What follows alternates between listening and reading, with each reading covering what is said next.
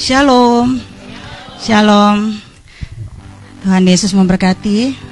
Saya menyapa para umat Tuhan yang ada di tempat ini juga yang ada menyaksikan dan beribadah bersama-sama lewat streaming Facebook GPI Kemah Pujian yang di Sumatera, Jawa, Sulawesi, di mana pun. Tuhan Yesus memberkati. Singapura, Kalimantan, haleluya. Baik. Damai sejahtera Tuhan melimpah atas setiap kita. Amin. Dan saya undang kita semua bangkit berdiri. Tuhan Yesus baik. Haleluya. Kebaikan dan kasih sayang Tuhan saya rasa itu cukup bagi kita untuk datang memuji dan memuliakan Tuhan. Itu cukup menjadi alasan untuk kita memuji dan memuliakan Tuhan. Amin. Haleluya. Saya percaya setiap kita tidak lepas dari semua kasih sayang Tuhan. Mari berikan kemuliaan dahsyat buat Tuhan. Berikan kemuliaan dahsyat buat Tuhan. Haleluya. Haleluya. Kami berikan kemuliaan yang terbaik bagi Engkau ya Allah kami. Semua yang kami terima, yang kami lewati, kami naikkan terima kasih Tuhan. Terima kasih Tuhan. Saat ini kami datang penuh dengan keberanian, segenap hati dan kehidupan kami. Menyembah, memuliakan Tuhan. Dalam satu nama yang penuh kuasa, Yesus Kristus Tuhan kami. Engkau bersemayam di tempat ini, bahkan di rumah setiap jemaatmu ya Tuhan. Tidak ada satu kuasa pun yang dapat membatalkan kuasamu. Terima kasih Bapa di surga segala pujian, hormat, kemuliaan bagi Engkau Allah dan Raja kami. Haleluya. Haleluya. Ku kagum hormat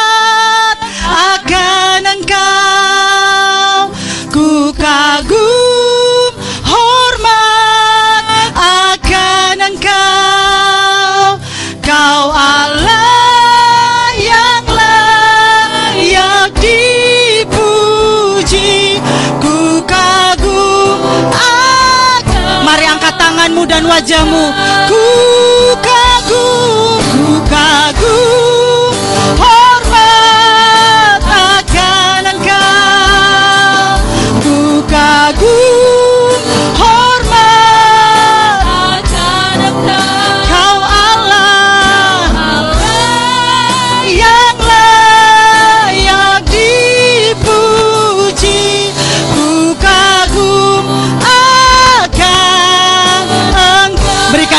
dahsyat buat Tuhan.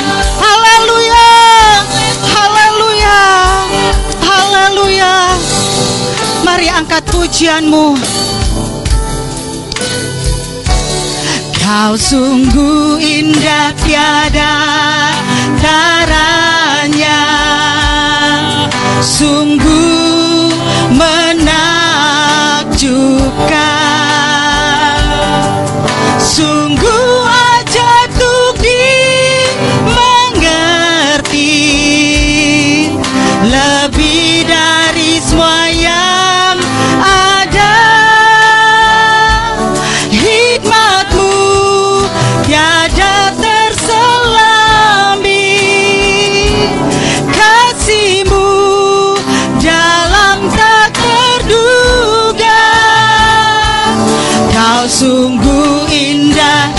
Mari nikmati pujian ini. Mari muliakan dia. Yes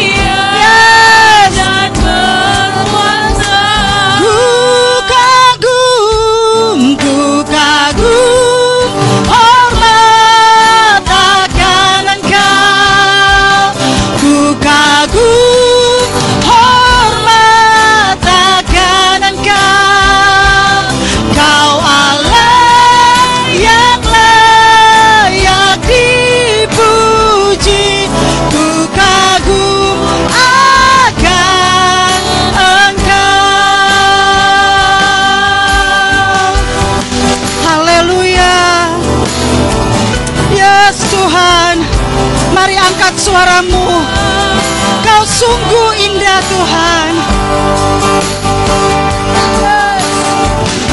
Katakan, Kau sungguh indah tiada.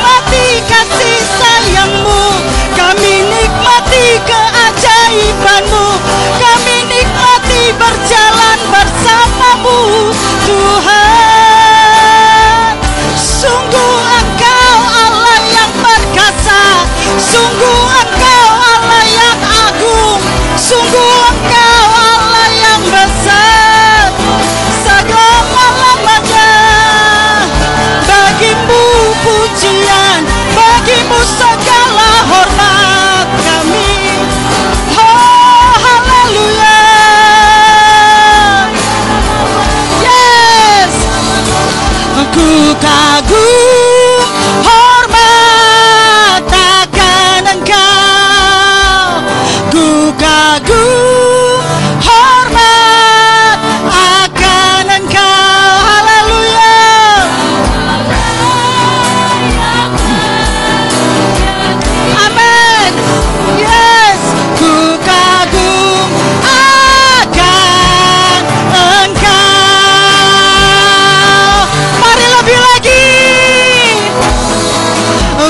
Gagu.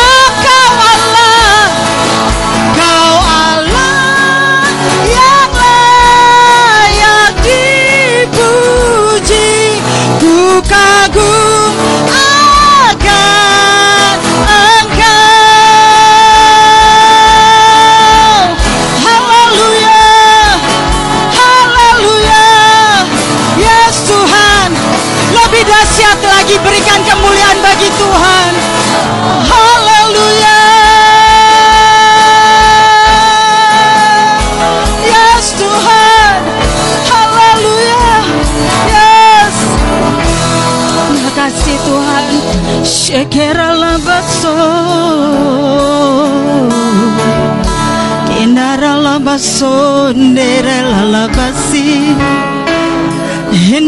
la mbiraralabase.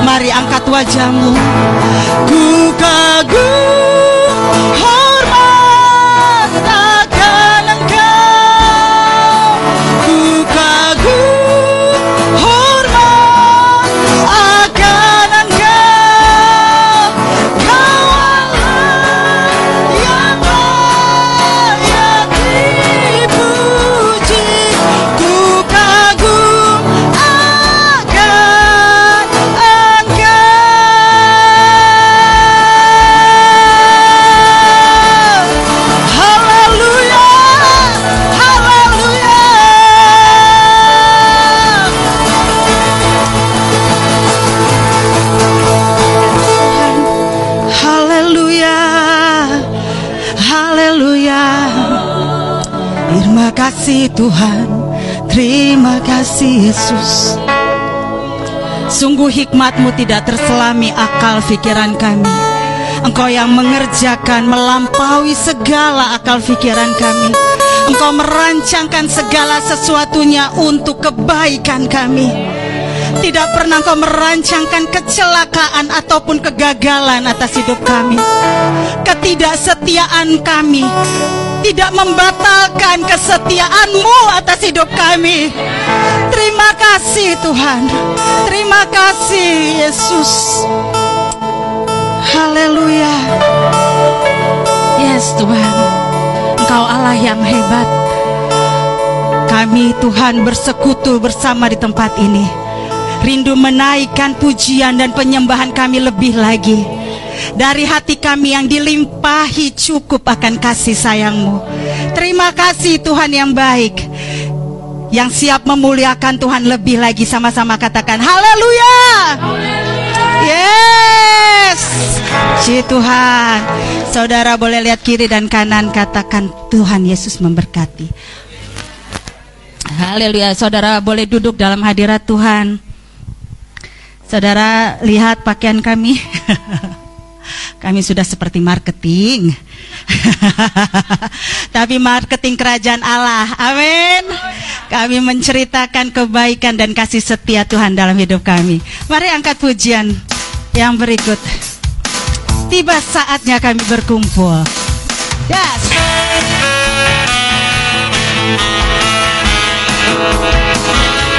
Haleluya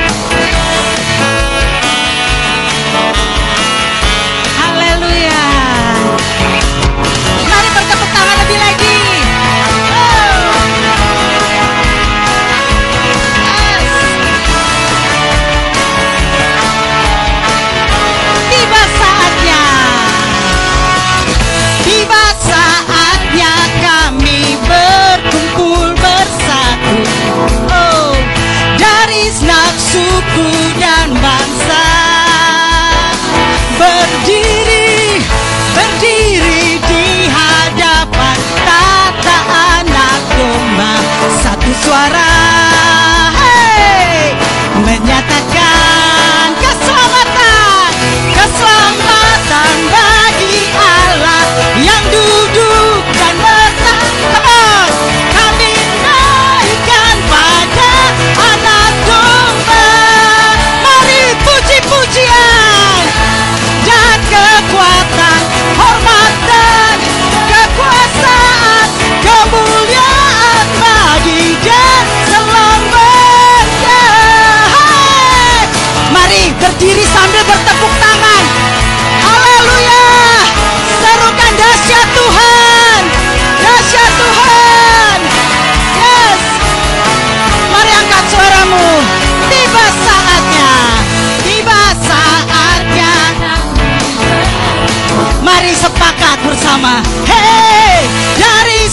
Suku dan bangsa.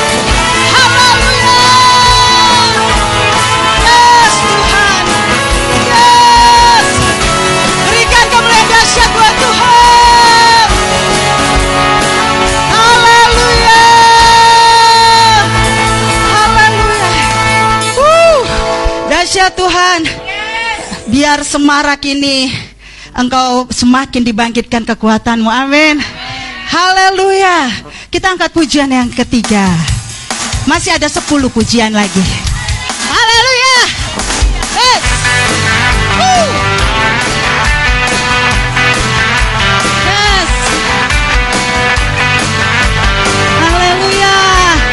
Mari sama-sama katakan. Kasih setiamu Tuhan.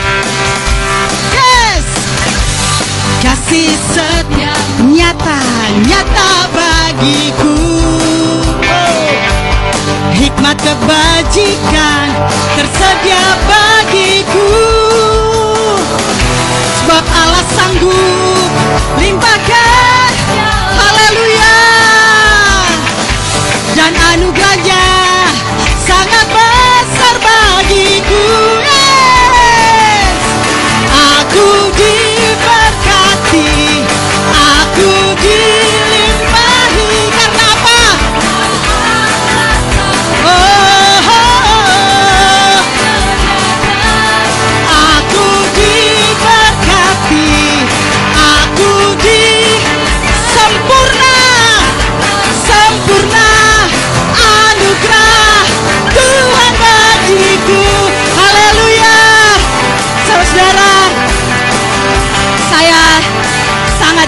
diberkati Dengan kisah Tabu Tuhan di rumah Obed Edom Dikatakan seorang kepada Daud keluarga rumah Obed Edom sangat diberkati oleh Tuhan. Dia dan seisi rumahnya bahkan apa yang dia punyai diberkati. Haleluya. Tabu Tuhan, kehadiran Tuhan di tempat ini juga di rumahmu pasti akan membawa pemulihan dan berkat yang melimpah. Tidak cukup. Hanya tidak hanya cukup tapi melimpah bagi kita. Amin. Sebab itu waktu Daud membawa pindah tahu Tuhan Dia membawa dengan sukacita. Bahkan memakai baju efod Menari-nari buat Tuhan. Haleluya. Biar itu yang menjadi kekuatan bagi kita. Amin. Hadirat Tuhan Membawa sukacita bagimu dan bagiku. Haleluya. Katakan kasih setia Tuhan Kasih setiamu nyata bagi. Haleluya. Hikmat kebajikan tersedia. Limpah limpah. Sebab Allah sanggup limpahkan segalanya.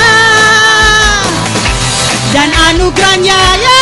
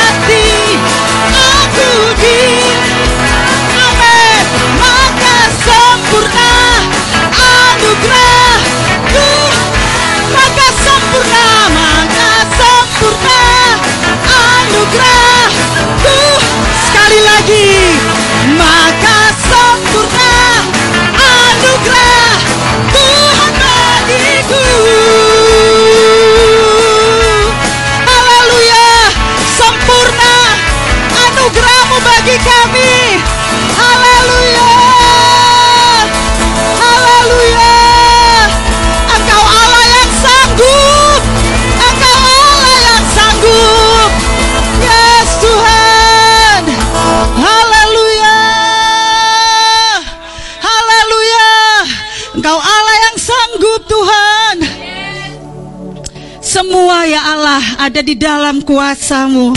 Di- Semua ada di dalam kasih sayangmu Tuhan. Haleluya. Yes Tuhan. Kami bersuka Kami dikuatkan. Terima kasih Bapak. Dalam hadirat Tuhan Saudara boleh duduk kembali. Terima kasih Tuhan Kami percaya Tuhan. Terima kasih. Mari kita angkat pujian ini.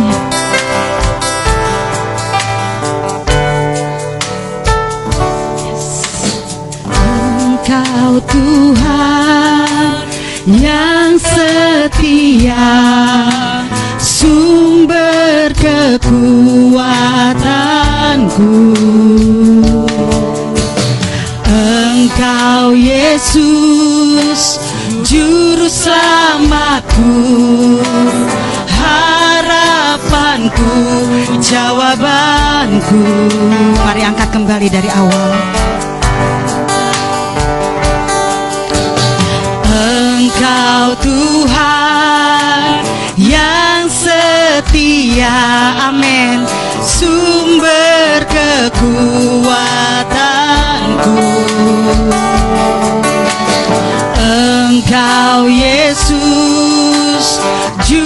Selamatku Harapanku Jawabanku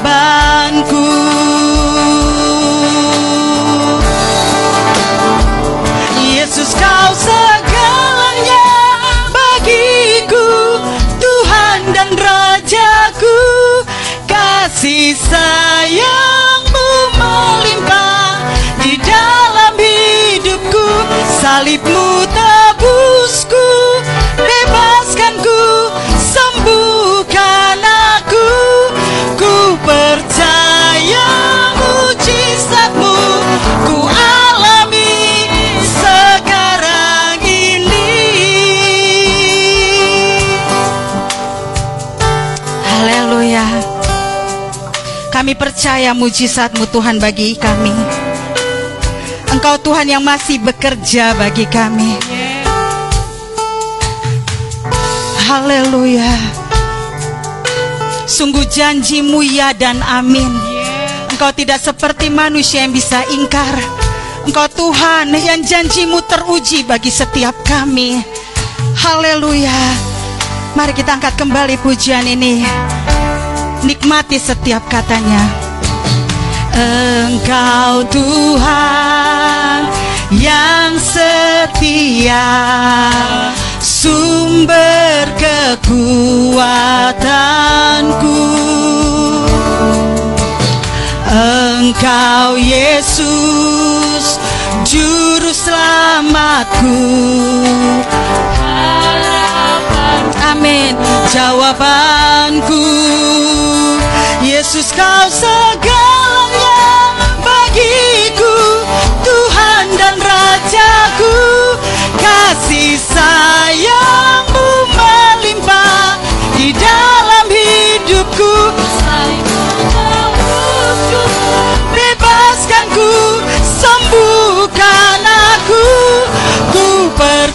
mari kita bangkit berdiri. Ku alami Yesus kau segalanya bagiku. Tuhan dan Rajaku kasih sayangmu melimpah di dalam hidupku. Salibmu tebusku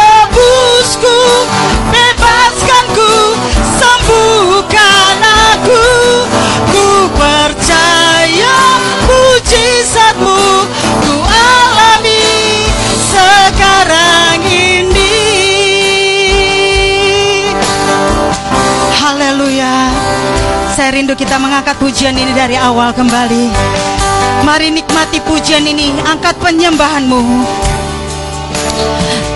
Engkau Tuhan yang setia Sumber kekuatanku. Engkau Yesus Juru selamatku Jawabanku Yesus kau segalanya bagiku Tuhan dan Rajaku. Kasih sayangmu melimpah di dalam hidupku. Salibmu tebuh Yes sudah selesai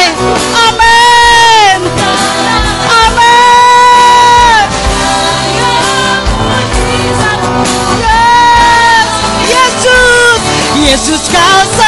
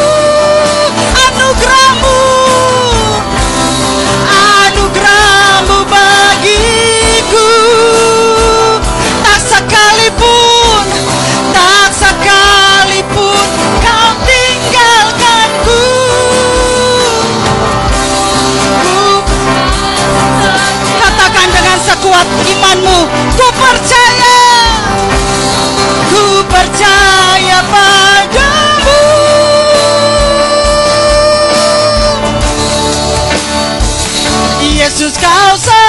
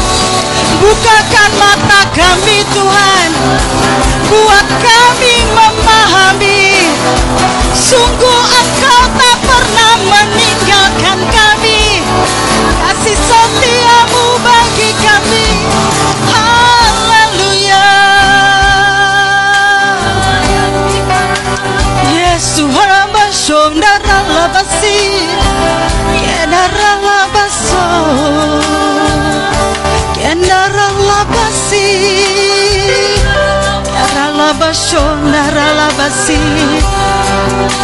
Kindaralabaso Yesus kau segalanya bagiku Tuhan dan Rajaku. Kasih sayangmu melimpah di dalam hidup. Yes. Jadi kuat Teguh hati. Amin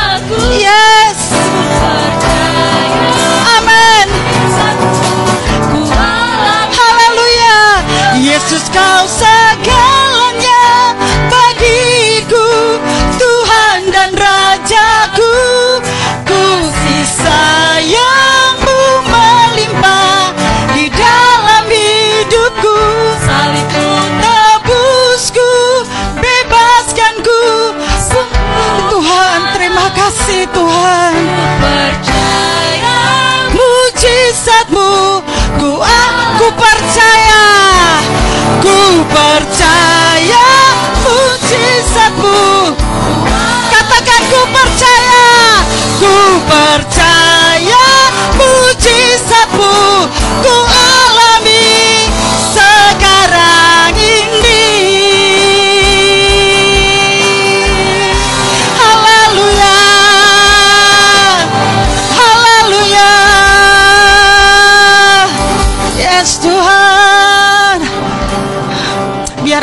keiman kami Tuhan Dalam kepercayaan kami.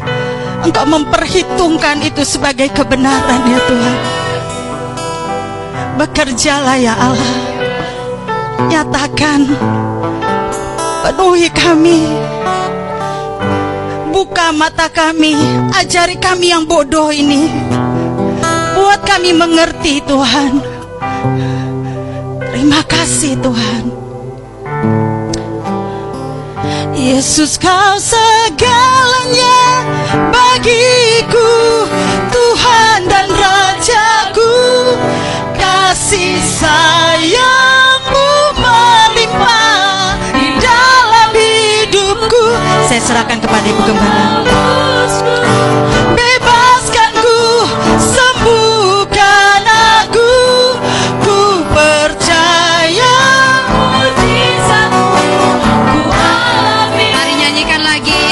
Yesus Yesus kau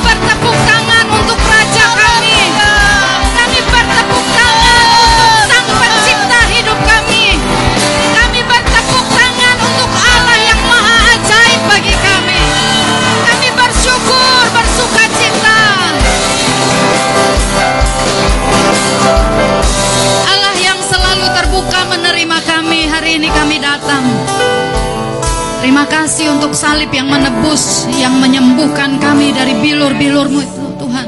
Terima kasih. Kami ingin dengar Engkau bicara bagi kami Tuhan. Tuntunlah kami, nasihati kami Tuhan. Arahkan langkah kaki kami. Biarkan Tuhan perjalanan kami akan jadi perjalanan bukan hanya baik, tapi berkenan kepadamu dan yang sempurna. Perjalanan dan tujuan kami adalah menggenapi Tuhan maksud-maksudmu yang ajaib dan mulia dalam hidup ini Tuhan. Terima kasih biar semua yang berasal dari kebenaranmu melingkupi kami, menguasai kami Tuhan. Kami mau makan roti gandum yang terbaik yang Tuhan sediakan bagi umatmu dan hambamu. Kami mau dikenyangkan dan dipuaskan yang dari tahta sorga semata-mata. Kami mau digirangkan oleh tiap pengharapan yang kami percaya tidak akan mengecewakan. Terima kasih Tuhan, terima kasih. Kuasai tempat ini Tuhan, kuasai hambamu ini Tuhan. Biarkan semuanya hanya mendatangkan kehidupan, kebaikan, kemuliaan, kebenaran semata-mata. Di dalam nama Tuhan Yesus Kristus, setiap kita yang mau mendengar firman dan percaya katakan, Amin. Beri tepuk tangan dulu buat Tuhan. Silahkan duduk kembali. Shalom buat kita semuanya. Saya percaya kita semua dipelihara Tuhan dengan ajaib. Setiap hari saya selalu bilang begini, Tuhan aku percaya hari ini aku dipelihara Tuhan dengan ajaib. Apa pun itu. Nah, teman-teman saya hari ini jemaat Tuhan saya akan sampaikan firman Tuhan. Pelatihan yang menghasilkan keputusan dalam kendalinya. Pelatihan yang menghasilkan keputusan dalam kendalinya. Nyanya huruf gede. Ini lahir dari satu kesempatan di mana kami terlibat melayani dan kemudian ada juga perenungan dari diri saya sendiri, saudara.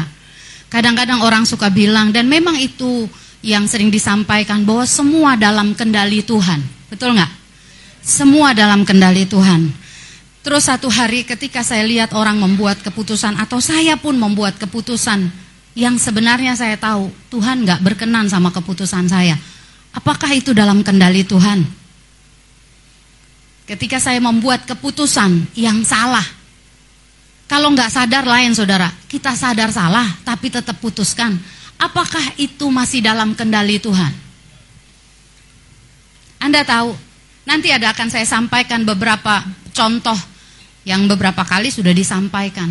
Ada keputusan-keputusan yang signifikan saudara, yang membuat arah hidup kita berbeda dengan yang Tuhan mau. Ada keputusan-keputusan yang Tuhan gak bisa interupsi lagi. di end. Waktu saya sadari ini, saya bilang gini, Tuhan keputusanku itu, itu menentukan kendali Tuhan. Kayaknya ketinggian ya. Kayaknya kayak ngelawan Tuhan. Tapi saudara nanti saya akan sampaikan firman Tuhan. Kalau kita berkata semua dalam kendali Tuhan, gimana dengan Saul? Firman Tuhan bilang begini, Aku sudah memilih Saul. Coba lihat di satu Samuel saudara. Coba bandingkan janji Tuhan, keputusan Tuhan yang di awalnya disampaikan itu bisa berubah lu. Haleluya. Saya mulai mulai di beberapa hari kemudian saya mulai lihat lagi, Tuhan kenapa ya? Janji Tuhan gak jadi. Gak jadi. Hanya karena satu keputusan saudara ada yang signifikan yang yang nggak bisa kita kita ubah ya. Misalnya gini kayak cuaca kita nggak bisa ubah. Ya betul nggak? Tuhan punya kendali gempa. Kita nggak bisa mau doa kayak apa ya gempa. Bedanya kadang-kadang ya saudara saya lihat di tengah gempa ada orang-orang yang dihususkan diselamatkan loh di tengah gempa itu. Kemarin lihat kebakaran di Simpruk ada ada warung Tegal katanya. Yang lain kebakaran. Warung itu nggak kebakar loh dia bilang gini, iya karena saya sering memberi makan orang gratis hari Jumat. Saudara, bukan karena ibadah, bukan karena agamanya. Kita kadang-kadangnya dengar orang bersaksi yang baik gitu, karena agamanya beda, ah nggak bener itu. Padahal kita juga jarang ngasih orang makan ya kan. Seringan juga cari dana kak. Saudara coba lihat, 1 Samuel 9, saya mau agak cepat saudara di sini. Ini cuman untuk ini dasarnya waktu saya berbicara tentang Ada kendali yang sebenarnya dipengaruhi oleh keputusanmu dan keputusanku. Tuhan mau mengendalikan hidupmu tuh sehat. Tapi waktu engkau bermain-main dengan kesehatanmu nggak rawat itu nggak jadi. Banyak orang udah kolaps baru bilang, Tuhan bukankah semua dalam kendalimu? Wong kemarin mulutmu kendalimu kok. Betul nggak? Makan sembarangan. Coba lihat saudara 1 Samuel 9 ketika janji ini disampaikan. Ada seorang nabi yang dipakai Tuhan untuk menyatakan tentang janji Tuhan untuk Saul. 1 Samuel 9 ayat 15. Ini cerita di atasnya nih Saul seorang yang diberitahukan gimana perawakannya, seorang yang memang diatur kayak kehilangan keledainya dan Tuhan mengatur dalam kendalinya akan ketemu dengan Samuel. Saya baca ayat 15, tetapi Tuhan telah menyatakan kepada Samuel sehari sebelum kedatangan Saul demikian. Besok kira-kira waktu ini aku akan menyuruh kepadamu seorang laki-laki dari tanah Benyamin. Engkau akan mengurapi dia menjadi raja atas umatku Israel dan ia akan menyelamatkan umatku dari tangan orang Filistin. Sebab aku telah memperhatikan sengsara umatku itu karena teriakannya telah sampai kepadaku. Di episode ini, di ayat ini, Tuhan punya janji buat Saul, dia akan diurapi jadi raja. Katakan amin. Lihat 1 Samuel 10 ayat 1. Lihat. Lalu Samuel mengambil buli-buli. Setelah ketemu dengan Saul, Samuel ajak Saul makan. Samuel bicara dengan Saul. Esok harinya lihat, Samuel melakukan yang Tuhan sampaikan. Dia mengurapi Saul jadi raja. 1 Samuel 10 ayat 1 kita baca dulu. Dua sama-sama, dua yang.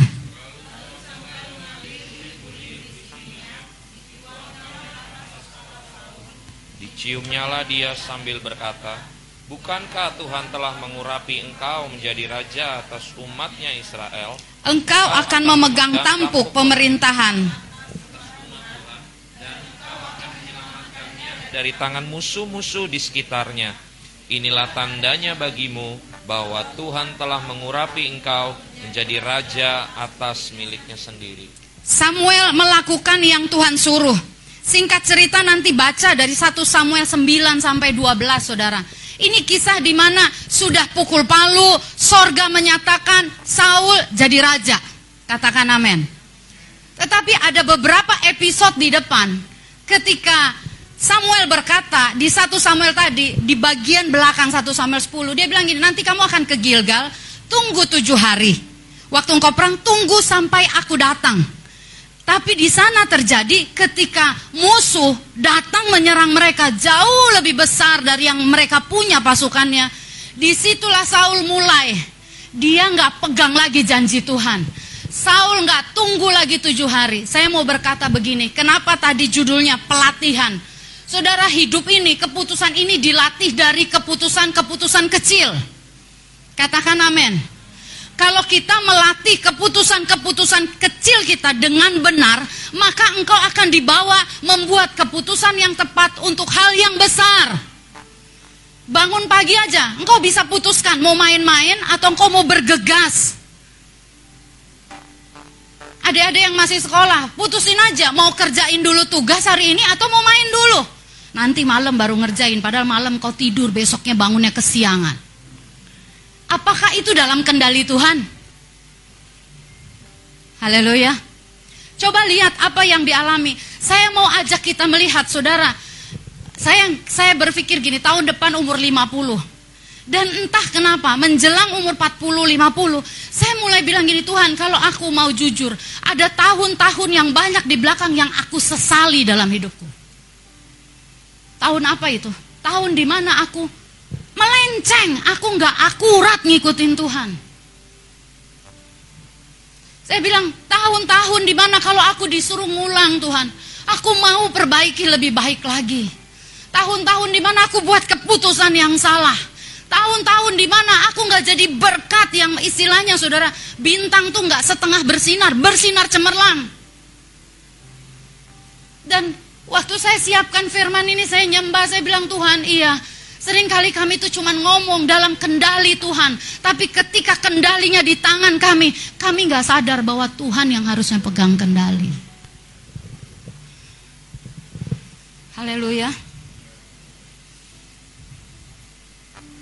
Saya baca 1 Samuel 11 ayat 15 ya saudara. Lalu pergilah seluruh bangsa itu ke Gilgal dan menjadikan Saul raja di sana di hadapan Tuhan dan di Gilgal. Dan mereka mempersembahkan di sana korban keselamatan di hadapan Tuhan. Dan bersukarialah di sana Saul dan semua orang Israel dengan semangat. Sambil saya sampaikan firman Tuhan ini, coba ingat, ada nggak janji Tuhan buat kita? Banyak ya. Benar nggak? Makanya saya bersyukur dengan pandemi itu membuat kita bisa lihat lagi ibadah kita ditayangkan. Kalau dulu kan nggak bisa. Coba rekam khotbah, kadang-kadang beda ya dengan lihat YouTube, bisa lihat tampilan orangnya, rasanya berbeda. Dan saya bilang gini, iya ya Tuhan, bahkan kalau ada pesan Tuhan yang direkam, tiba-tiba Tuhan kenapa ya, aku kok nggak ngalami pesan Tuhan itu. Waktu saya balik ke sini, saya mulai lihat, iya ya, ada banyak yang saya harusnya saya jalani, saya nggak jalani dengan akurat. Saya berdoa saudara, di tempat ini terjadi pertobatan. Amin. Amin.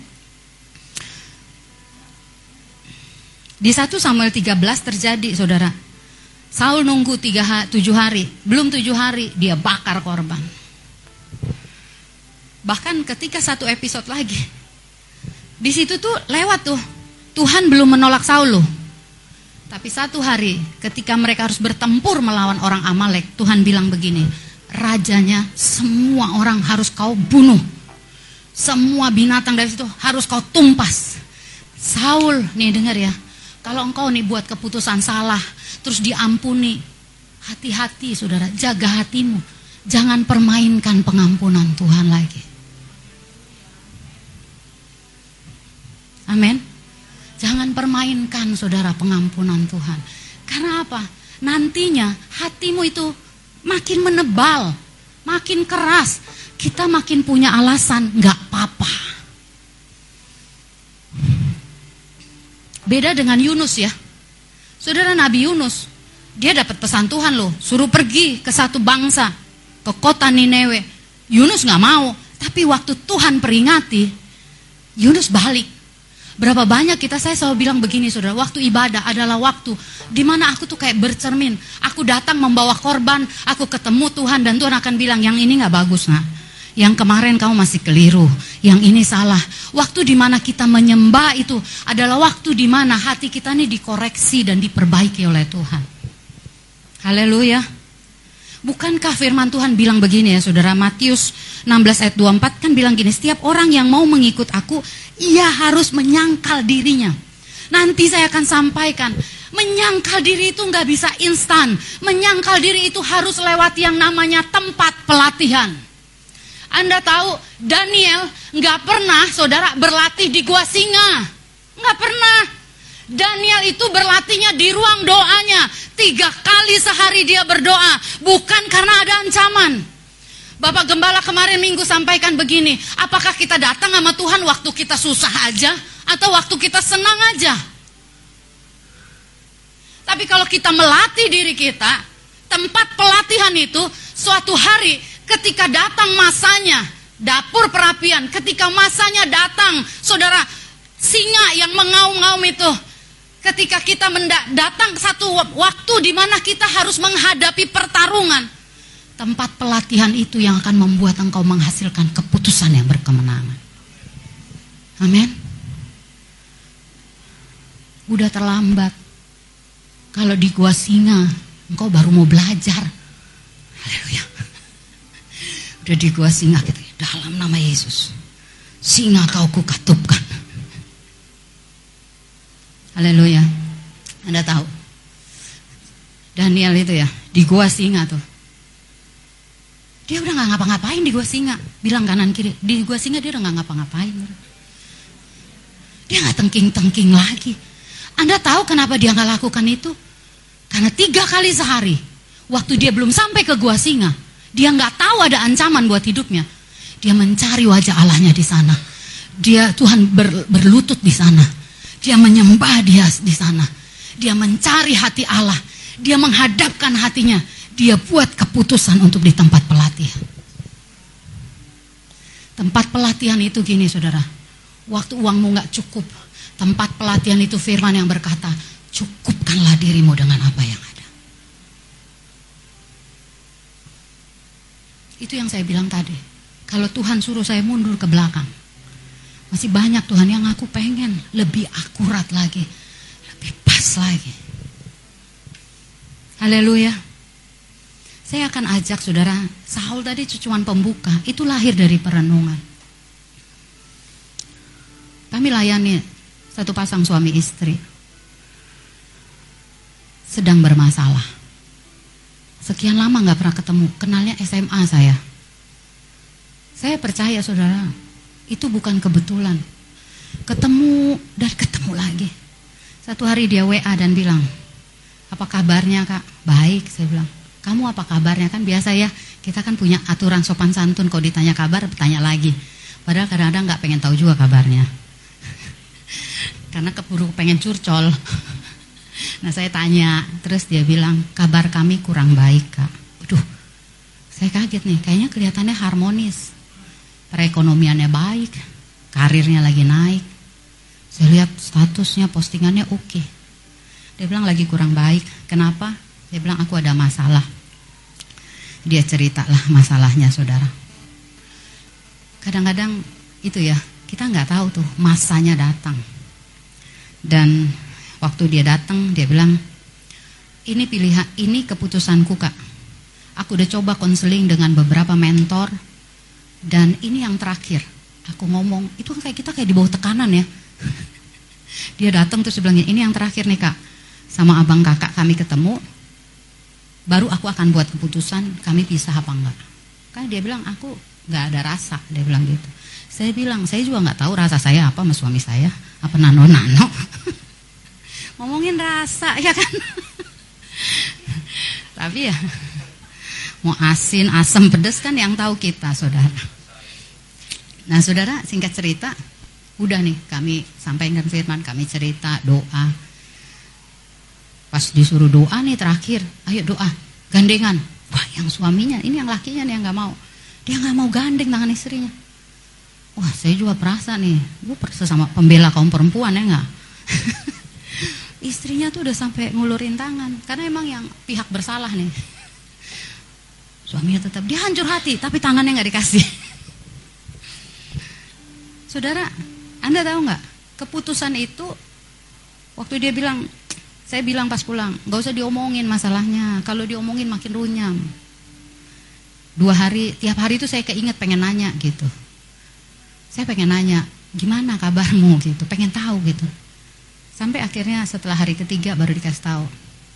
Eh, saya nanya, gimana kabar kamu? Saya nggak, saya cuma bilang saya berdoa buat kalian. Terus saya bilang, saya udah putuskan, saya akan tetap berpisah. Saya sudah tidak mengingini. Udah, aku tuh kayak tertusuk-tusuk juga gitu, kayak ngerasa gagal.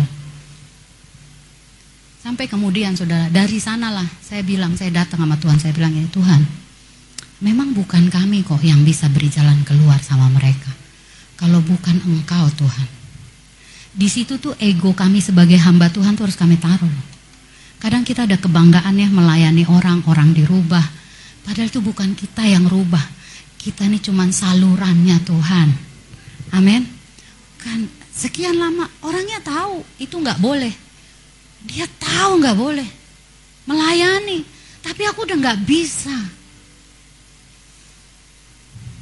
Saudara, apakah kita sedang berjalan dan membuat keputusan dalam kendali Tuhan atau ego kita yang ngendaliin kita? Ego kita nih yang ngendaliin kita.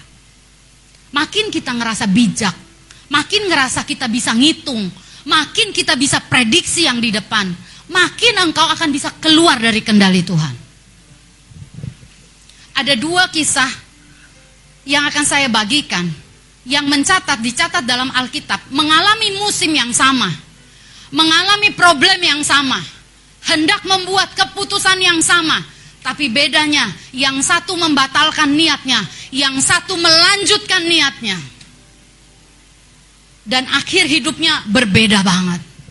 Saya mau kasih tahu Bapak Ibu yang dikasih Tuhan, Kalau engkau sedang membuat keputusan yang penting dan engkau menjadikan firman dasarnya, itu bukan buat orang lain, itu bukan buat gerejamu atau pendetamu atau keluargamu atau pemimpin kerselmu. Engkau sedang membuatnya untuk dirimu sendiri. Amin. Kadang-kadang kita yang kasih makan ego kita. Kita buat ego kita makin berkuasa. Makanya tadi saya bilang, kalau Tuhan kasih pengampunan, kemurahan, jangan anggap sepele itu. Haleluya, jangan anggap remeh. Hati-hati. Tuhan bisa menolong kita lewat firman, lewat perkataan orang lain, lewat ibadah, lewat pujian, dan dengarkan itu. Coba lihat Rut pasal 1 ayat 1 sampai 3. Haleluya. Kalau Saul dicatat saudara, Tuhan bilang aku akan menjadikan kau dan kaum keturunanmu melanjutkan tahta. Gak jadi loh. Gak sampai lu janji Tuhan tuh penuh. Belum tiba masanya diganti, udah Daud yang gantiin. Saya bilang gini, Tuhan, kalaupun kami menyelesaikan tanggung jawab penggembalaan di GPI Kemah Pujian, ajari kami untuk terus membuat keputusan-keputusan dalam kendalimu. Amin. Kau yang kerja, latihanmu tuh gini, waktu terima duit tuh, itu latihan. Itu latihan. Jangan selalu bilang nggak apa-apa, nggak apa-apa. Kakak galak banget sih kak kalau khotbah, aku juga nggak ngerti deh. Saya nyiapin khotbah ini saudara. Saya nangis di kaki Tuhan, Tuhan aku nih banyak banget Tuhan. Aku tuh pengen karena saya percaya waktu pemimpinnya diubah, maka umat yang di bawahnya juga akan diubah. Amin. Amin. Waktu sang kepala keluarga berubah, maka istri dan anak-anaknya akan berubah. Pasti, pasti. Masalahnya jangan berubahnya jadi-jadian, jadi beneran. Coba lihat Rut pasal 1 ayat 1 sampai 3. Bang Adit boleh bantu baca, kita simak sama-sama. Rut dan Naomi pada zaman para hakim memerintah, ada kelaparan di tanah Israel. Lalu pergilah seorang dari Bethlehem Yehuda beserta istrinya dan kedua anaknya laki-laki ke daerah Moab untuk menetap di sana sebagai orang asing. Ayat 2. Nama orang itu ialah Elimelech. Nama istrinya Naomi dan nama kedua anaknya adalah anaknya Mahlon dan Kilion. Semuanya orang-orang Efrata dari Bethlehem Yehuda dan setelah sampai ke daerah Moab, diamlah mereka di sana. Kemudian matilah Elimelech, suami Naomi, sehingga perempuan itu tertinggal dengan kedua anaknya.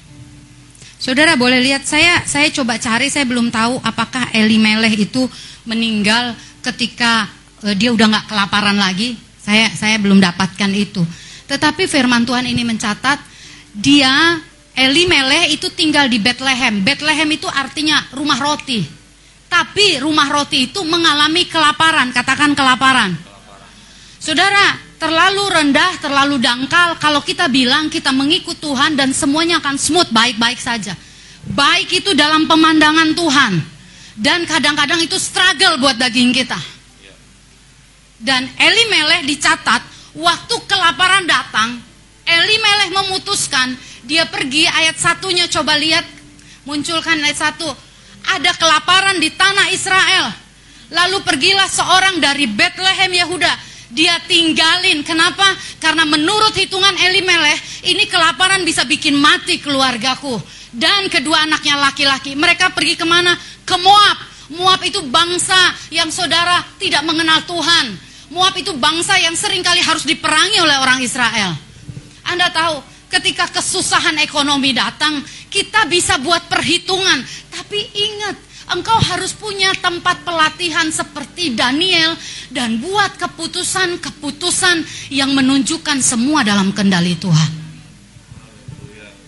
Amin. Dia pergi, mungkin buat Eli Meleh ya saudara. Nggak bisa diharapin lagi. Anda pernah nggak ngalamin gini nih? Kalau gue ikutin kebenaran terus bisa mati gue. Haleluya. Ah, masa sih nggak pernah ngerasa gitu? Anda keputusan mengampuni aja ya. Ah kakak balik-balik ya itu kan yang tiap hari kita harus punya pengampunan tiap hari, bener nggak sih? Kadang-kadang kita aja bilang aku aku nggak mau menyakiti dia. Kayak teman saya itu saudara. Saya tidak mau menyakiti istri saya, makanya saya mau ceraikan dia. Ih piye iki mikirnya ya.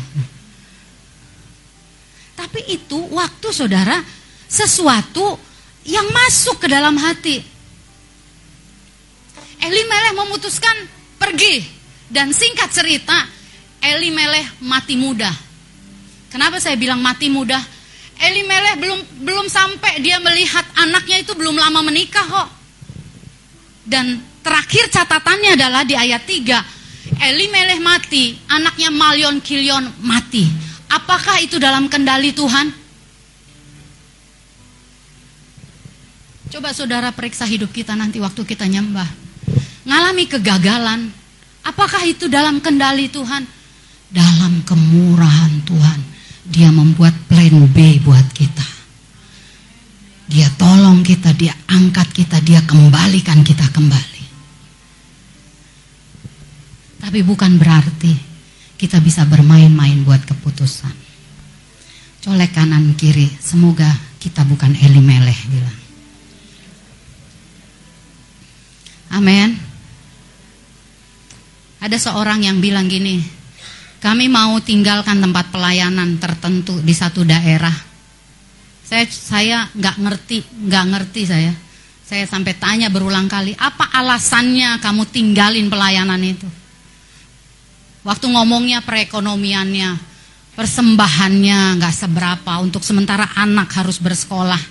Saya bilang ya saudara, di hati saya, saya nggak mau ngomong sama orangnya. Saya bilang di hati saya, Tuhan, jagain hatiku untuk nggak berharap kemapanan dari pelayanan. Aku harus belajar Tuhan, yang namanya berharap pada kemurahan Tuhan. Kadang orang bilang gini ya saudara, kalau di kota pendetanya enak, lu nggak tahu aja gitu kan. Haleluya. Ya Ria, di Lampung mesake loh kak. Hasilnya ubi singkong. Sinyalnya susah. Anda tahu, semua kita nih ada pergumulannya masing-masing. Tapi nggak semua kita ada di tempat pelatihan terus-menerus. Lihat bandingannya ya. Elimeleh tinggalin itu kenapa? Karena dia ngitung, kelaparan, mati. Bilang sama-sama ngitung. Hati-hati kalau engkau pikir kau sudah jago ngitung. Ya Bu Ani ya, bendahara langsung dia, ya ya ya. Karena hitungannya bisa keliru. Haleluya. Bukankah Alkitab mencatat ada seorang yang kaya, dia bangun lumbungnya, dia timbun di sana dan dia bilang gini, "Hai jiwaku, tenanglah engkau, sudah tersedia bagimu. Malam ini juga dicabut nyawanya, nggak ada gunanya yang ditumpuk." Yang pertama namanya Elimeleh. Dan saya percaya kita semua diberi hati yang bukan seperti Elimeleh. Katakan amin. Ya secara hitungan nih habis nih gua secara hitungan waktunya udah kelamaan Tuhan penantianku. Tapi engkau nggak akan tinggalkan Bethlehem. Amin. Rumah roti. Suami saya bilang begini, waktu aku alami konflik sama istriku ini, dia bersaksi. Hampir nyerah. Untung dia nggak nyerah. Dia bilang gini, abang bilang begini, tapi aku buat keputusan, aku ngadep Tuhan, aku berdoa sampai aku bilang, Tuhan, aku udah lewati keadaan yang sulit. Dan keadaan sulit kayak apa pun, aku bisa taklukkan bersama Tuhan. Aku bisa taklukkan. Masalahnya banyak orang ketika kelaparan datang, ketika saudara krisis hubungan, krisis semuanya, kita suka ngitung dan kita lupa kemarin pun kita udah ditolong. Saya bilang sama satu orang hamba Tuhan cerita sama saya, gini gini gini kesusahan saya bilang ini, kalau aku jadi kamu, kau mau denger nggak apa kataku? Aku akan berjibaku, mati-matilah di situ. Tapi buat orang kan nggak semuanya. Dan mungkin orang tuh bilang, belum aja lu ngalamin, makanya lu ngomong doang ya kan. Tapi minimal kau udah ngomongnya bener kan? Bener nggak? Kita kan suka gitu ya, ah kakak ngomong doang. Ya minimal ngomongnya udah bener lah, ya kan? Apalagi direkam begini. Begitu ada kejadian datang kan di, kak ini kak, waktu itu kakak, kakak bilang begini, ini masih ada bukti nih. Rekam jejak ke bawah ke mana-mana. Eh banyak orang Anda tahu, orang rela loh tinggalin jamnya sama Tuhan demi untuk perutnya. Lupa berjibaku sama Tuhannya. Tadi pagi karena adik saya lagi pulang ke Kalimantan, saya harus urus mama saya untuk tensi, cek gula, untuk kasih obat. Setiap hari dua kali. Jadi kalau saya pergi saya harus ingetin, saya harus siapin. Sampai tadi pagi ketika saya doa udah asik, eh tiba-tiba pikiran ini bilang, aduh belum ke sana, belum nanyain udah sarapan belum, oh belum begini belum begitu. Waktu saya lakukan, saya mau lakukan lagi di rumah, saya mau siram kembang, saya rasanya semua mau dirapiin. Di hati saya ngomong gini, kalau kamu senangkan Tuhan, orang-orang yang kamu kasihi, pasti Tuhan bela. Kenapa kamu pilih nyenengin orang yang kamu kasihi dan lupa menyenangkan sang pencipta hidupmu? Saya tinggalin itu saudara, ember saya untuk nyiram-nyiram, nyikat-nyikat. Saya tutup semuanya, saya datang lagi nyembah Tuhan. Aku mau senangkan engkau. Kalau engkau senangkan Tuhan, dia akan lakukan jauh melebihi daripada apa yang kau pikirkan. Lihat Ishak, kejadian 26. Biar contoh ini saya berdoa, simple saudara, tapi mengingatkan engkau. Apa pun yang kau mau buat, timbang di tempat pelatihanmu. Jangan terlalu banyak tanya orang, timbang di tempat pelatihan. Makanya jangan males melatih dirimu. Jangan males doa, jangan males nyembah. Kau pikir Tuhan ngomong lewat geledek? Males doa. Engkau harus sering-sering, Tuhan, Tuhan. Saya ingat tadi pagi mandi, abang bilang, kalau lagi itu lagi do, mandi doa, saya doa Tuhan, Tuhan. Saudara harus jadi jemaat yang suka berdoa, katakan amin. Dan bukan sembarang doa, doa yang dalam, deep.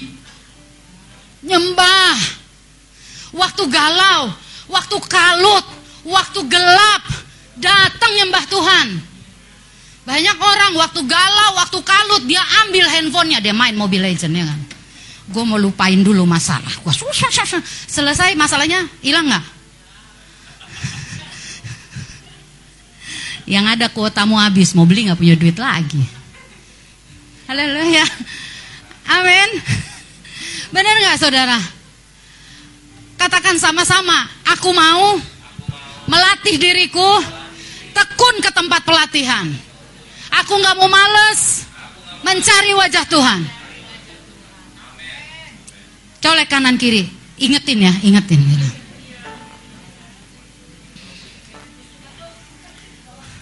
Haleluya. Karena hari nggak selalu cerah, hari nggak selalu hujan, hari nggak selalu berat, hari nggak selalu ringan. Katakan amin. Tapi yang ku tahu pasti Tuhanku bersama dengan aku. Aku nggak selalu ada di atas, aku bisa di bawah. Sementara ada orang yang berjalan di atas. Kalau engkau ada di bawah, semua orang di bawah masih enak, bro.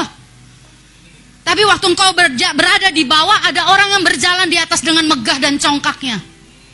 Bisa rasa aman nggak di situ? Daud bilang begini, ini yang kulakukan ketika hatiku gundah gulana. Aku akan berlari-lari mendahului orang banyak menuju rumah Tuhan. Daud ngerti kok penghiburan dia. Cuman waktu dia ketemu dengan hadirat Tuhan. Kalau engkau sudah latih dirimu puas dengan hadirat Tuhan, keputusan berat apa pun engkau bisa jalani. Ya terseok. Saya ngalami terseok. Tapi hatiku gini, Tuhan jagai hatiku. Jagai aku Tuhan. Aku ini sangat berpeluang jatuh. Aku sangat berpeluang ingkar. Aku sangat berpeluang mengambil keputusan yang salah.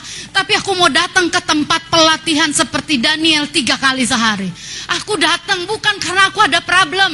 Aku datang bukan karena aku lagi dapat berkat melimpah. Aku datang karena aku sadar betapa rapuhnya aku. Aku bisa Tuhan menasihatin orang gak sombong. Tapi aku sombong. Aku bisa berkata kepada orang andalkan Tuhan, tapi aku mengandalkan kekuatanku. Aku ini berpeluang pakai topeng munafik kalau bukan hadirat Tuhan yang menguasai aku. Kalau engkau bisa sampai begitu, Gak ada lagi yang bisa merendahkanmu karena engkau sudah merendahkan dirimu di kaki Tuhan. Aku bisa doain orang supaya engkau beriman, kau sembuh. Tapi di satu sisi ketika sakit datang, hatiku mulai goyah. Aku sangat bisa Tuhan. Tapi aku hambamu. Saya suka bilang gini, Tuhan, aku bersyukur aku jadi hambamu. Karena itu mengingatkan aku ketika aku berbicara yang benar, perkataan itu datang juga kepadaku. Kejadian 26 ayat 1, 2, dan 6. Kita baca sama-sama ya kejadian 26. Seorang yang juga mengalami kelaparan. Saya mau kasih tahu saudara, ini zaman bukan makin mudah. Banyak kesusahan ekonomi yang terjadi. Pak Jokowi udah kasih pengumuman, warning. Saya lihat Ibu Sri Mulyani, Menteri Keuangan udah kasih warning tentang keadaan-keadaan. Banyak negara udah bangkrut. Banyak negara udah mengalami krisis. Saya mau kasih tahu di sana. Engkau nggak bisa hanya berdoa ketika situasinya datang. Siapkan dirimu dari hari ini. Haleluya. Kita bangkit berdiri dulu ya, kejadian 26. Tuhan beri kami kesadaran. Lihat ya, baca sama-sama dua ya. Maka, Maka timbullah kelaparan di negeri itu. Ini bukan kelaparan yang pertama. Stop dulu. Kadang-kadang ujian yang pertama kita lolos loh. Dia bisa datang lagi dalam bentuk yang lain. Haleluya. Benar nggak? Pertengkaran suami istri yang pertama kita bisa lolos, datang lagi yang kedua. Masa sih kak, kakak kayak harmonis yang tahu tuh Samuel sebenarnya selain Tuhan dan kami. Betul. Oh gitu San. Loh, kalau kalau kalau Aldrit sudah bisa ngomong itu udah bisa ngasih tahu Mas Adit. Ngomong aja tuh bapak gua katanya, ketawa-ketawa kemarin udah pertarungan besar. Yang tahu siapa tuh? Rahel sama Lauren ya. Tapi kan kita dibilang, jangan ngomong-ngomong ya. Grace, Cio, jangan ngomong-ngomong, rahasia kita. Rahasia kita, tapi suaranya udah kenceng, udah kedengeran sama tetangga. Untung Sira cuma bisa chat ya kan, status dibatasi, nggak usah pasang status kalau lagi. Dia mau pasang status rumah kayak neraka, nggak boleh. Kita sudah doa. Haleluya, mong. Saudara, semua kita punya pertarungan dan kita bisa kemungkinan gagalnya gede. Betul nggak? Tapi engkau harus berdamai dengan dirimu juga. Saya ingat ya saudara, dulu Samuel pernah kami berantem tuh, mungkin dia udah lupa. Tapi saya ingat dia masih SD atau TK ya saudara. Sampai dia bilang begini loh, Mama, Mama jangan cerai ya sama Papa. Makanya saya bilang kalau aku suruh balik ke belakang, aku pengen ulangi dengan lebih baik semuanya. Anda yang anak muda, Anda pernah jatuh dalam, kotor, busuk. Kalau hari ini engkau di sini kau bilang ya Tuhan, kalaupun kau udah ampuni aku, kalau aku boleh mengulang, aku akan buat jauh lebih baik lagi. Lanjut ya saudara, ini bukan kelaparan yang pertama. Lanjut dua ya. Yang, Yang telah terjadi dalam zaman Abraham. Sebab itu Ishak pergi ke Gerar.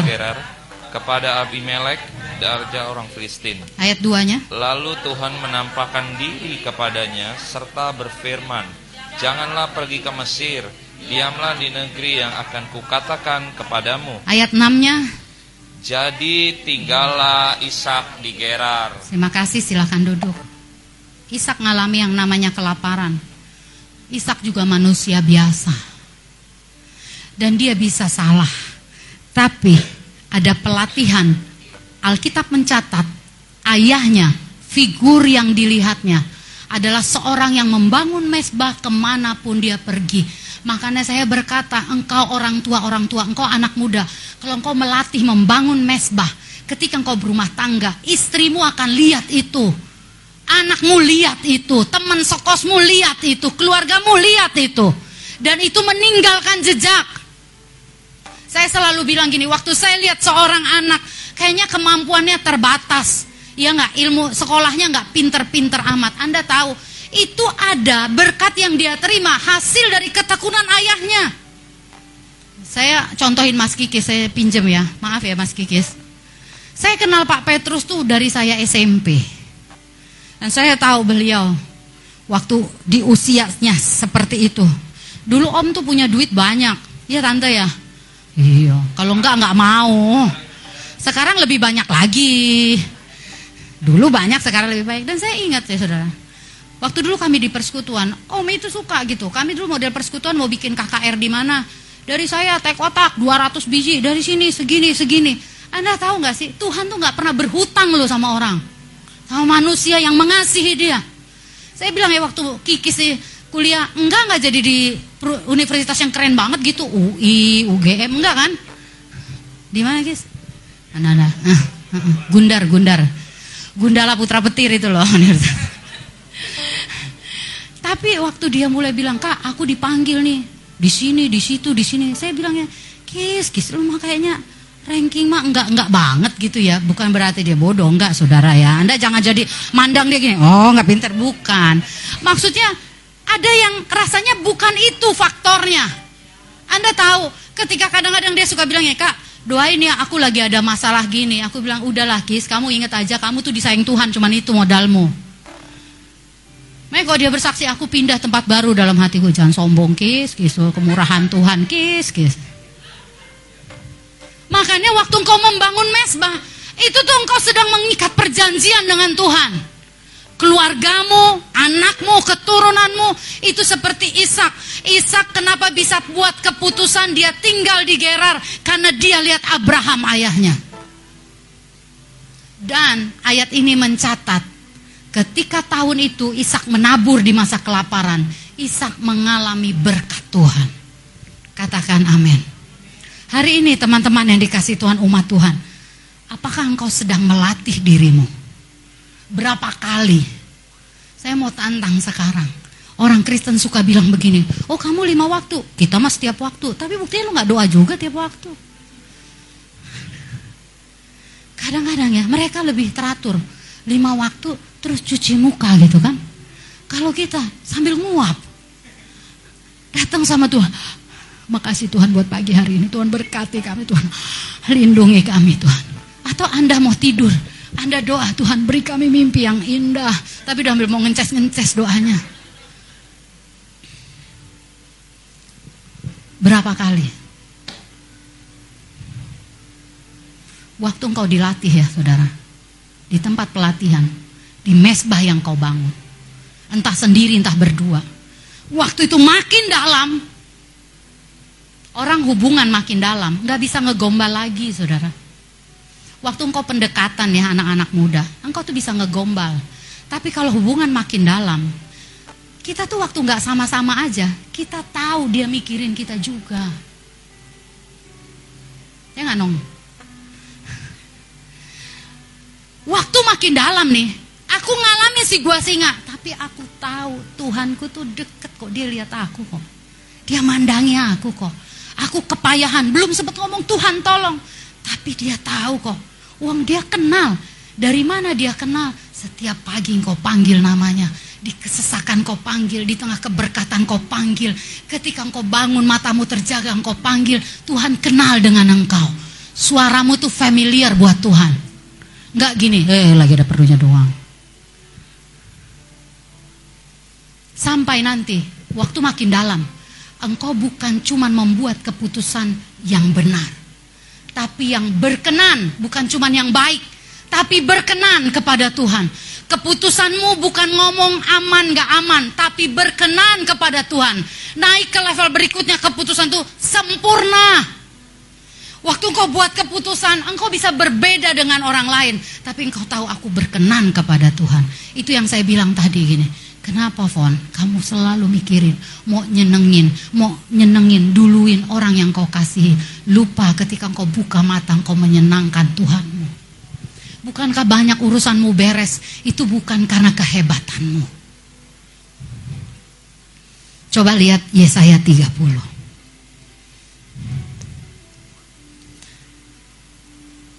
Katakan haleluya.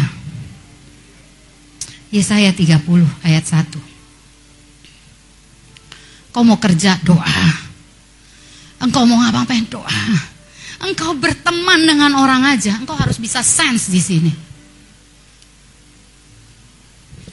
Kemarin kami di retret Pak Sutri, saudara. Saya juga nggak tahu. Tahun ini ketemu dengan Pak Sutri, Pak Sutri. Tapi saya bersyukur dengan ibadah Pak Sutri yang kita kan pembicara tunggal ya. Nggak ada pembicara lain. Tapi saya merasa saya kaya sekali dengan semuanya. Waktu saya suruh lain Pak Sutri, ada sesi di mana kami doakan mereka berdua-berdua. Anda tahu ada satu ibu sama bapak, padahal duduknya paling depan gini. Waktu didoain suruh pegangan tangan, dia begini. Suaminya juga begitu, saudara. Pokoknya lama, sampai kami yang narik. Itu sampai gini. Sal, ini pegangan sih, tapi begini. Bayangin kalau udah pendeta yang ngomong dia masih begitu, itu keras banget tuh. Biasa kan kita udahlah tak kasih ya tangannya, tapi bebas. Begitu tangan pendetanya lepas kan biasa langsung ditarik kalau lagi nggak demen ya. tapi ini enggak, selesainya itu saudara di ruang makan ibunya deketin kami. Pak, Bu, aduh makasih ya saya tadi didoain gitu. Oh ya gitu. Aku tuh wah, udah tahan-tahan dengan suamiku. Pokoknya diomongin 10 menit itu suaminya aja. Dalam hatiku lah, lu ngapain dari tadi? Lu duluan yang buang muka perasaan gue lihat. Terus bilang, ini karena Tuhan loh pak, saya bisa bertahan. Saya bilang sama dia, bu, karena Tuhan juga bapak bisa bertahan sama ibu. Dia diam. Kadang orang suka lupa. Coba yang duduknya sebelahan suami istri. Colek aja nggak usah diomongin, nanti di rumah kacau kita.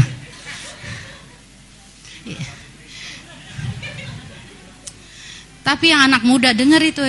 Kadang-kadang kita nih suka membiarkan semuanya itu lewat gitu aja. Ya saya 30 ayat 1. Kita baca firman Tuhan ini. Dua ya. Celakalah anak-anak pemberontak. Demikianlah firman Tuhan yang melaksanakan suatu rancangan yang bukan daripadaku yang, memasuki suatu persekutuan yang, bukan, dari oleh dorongan rohku sehingga dosa mereka bertambah-tambah. Kalau Anda baca dari kitab Yesaya pasal 30 dari awal sampai akhir Tuhan menceritakan bagaimana orang-orang yang saudara nggak mau dipimpin Tuhan, yang nggak mau dengar nasihat Tuhan, yang nggak percaya kepada firman Tuhan. Dan Tuhan selalu kasih kesempatan lagi, kesempatan. Tapi ingat, kesempatan itu tidak selalu datang terus-menerus. Seorang ibu bilang begini ketika dia menyampaikan kebenaran. Dia bilang ini, kalau engkau mau melakukan kebenaran, lakukanlah seolah-olah besok nggak ada kesempatan untuk kau melakukannya. Lakukanlah seolah-olah ini hari terakhirmu. Kalau engkau mau mengampuni, ingatlah ini udah hari terakhir, besok aku nggak ketemu dia.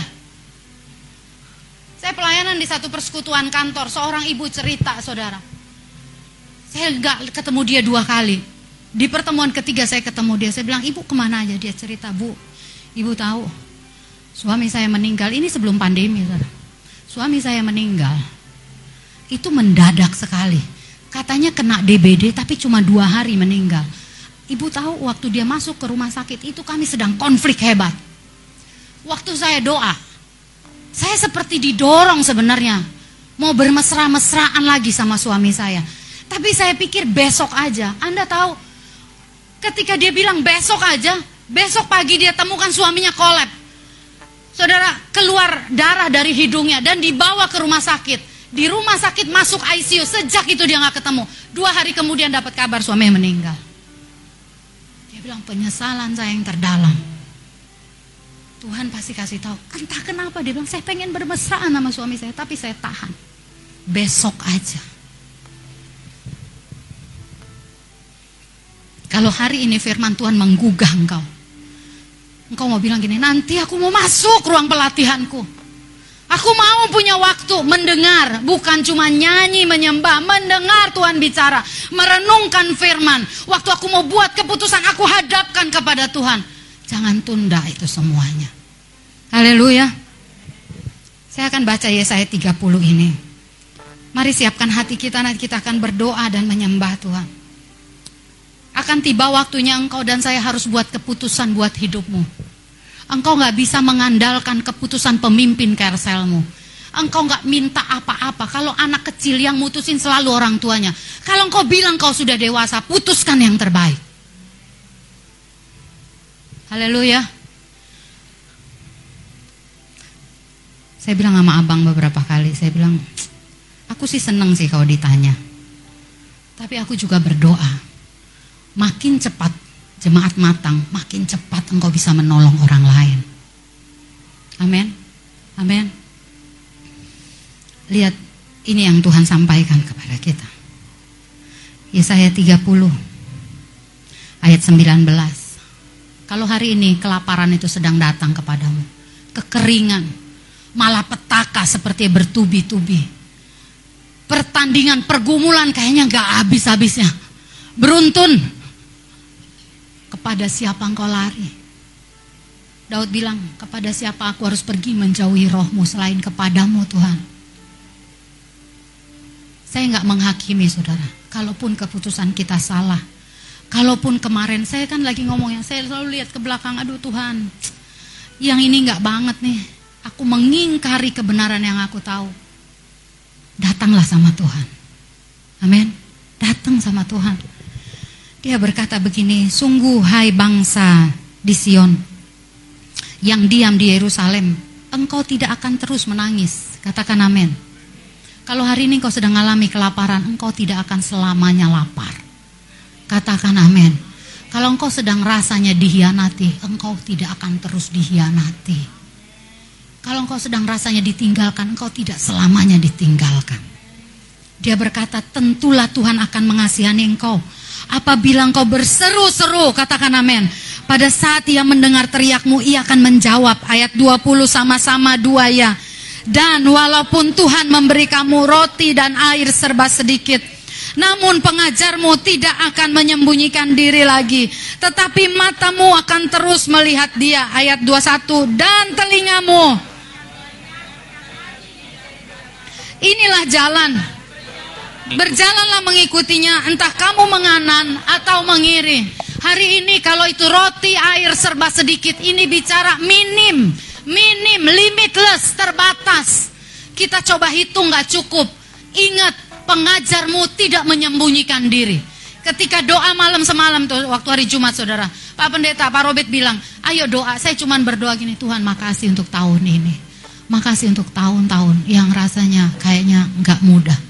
Saya ingat Bang Ayah, saya bilang makasih Tuhan. Kami bisa antarkan seorang Aisyah Hetapi melewati pertandingan yang tidak mudah pengeluaran yang tidak sedikit, pengorbanan jemaat yang tidak sedikit. Maunya kami sehat, tapi kalaupun dia berangkat, kami memberangkatkannya dalam kemurahan dan damai sejahtera Tuhan. Saya bilang, Tuhan terima kasih untuk roti dan air yang serba sedikit. Saya bersyukur, saya bilang sekali mamaku bolak-balik, bolak-balik masuk rumah sakit. Aku bersyukur sebab pengajarku mengajari aku Ya, dia nggak selalu kasih langsung roti yang banyak. Dia nggak selalu kasih air yang berlimpah. Tapi perkataannya itu cukup bagimu dan bagiku. Amin. Tutup Alkitabmu.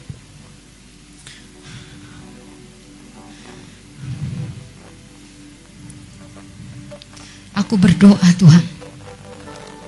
Aku berdoa bagi kami semua, bagi umatmu khususnya. Beri hati yang mengingini engkau. Beri hati yang merindukan Engkau Tuhan. Mengingini suaramu Tuhan di dalam batin, di dalam perjalanan, di setiap keadaan. Lebih daripada takaran air dan roti, lebih daripada persediaan yang lain. Hati kami tidak mudah dikacaukan oleh roti dan air serba sedikit. Hati kami bergelori ketika Engkau berkata, "Ini jalannya, menganan atau mengiri." Tuhan itu cukup bagi kami. Haleluya. Ramata karama shekena rama. Ayo kita berdoa. Kiara lama sakena ramana. Loko ramana lamana ramana sikina ramana lamana. Iya tekena nama sikina ramana nanana.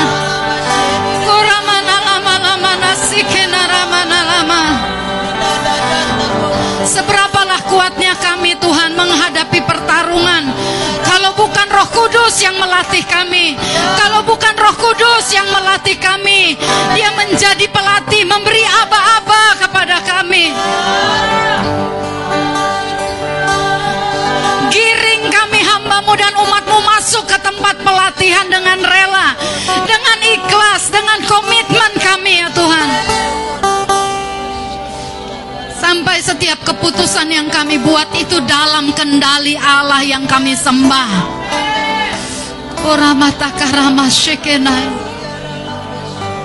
Haleluya. Ayo dari dasar hatimu sembah dia. Haleluya. Ku tidak takut.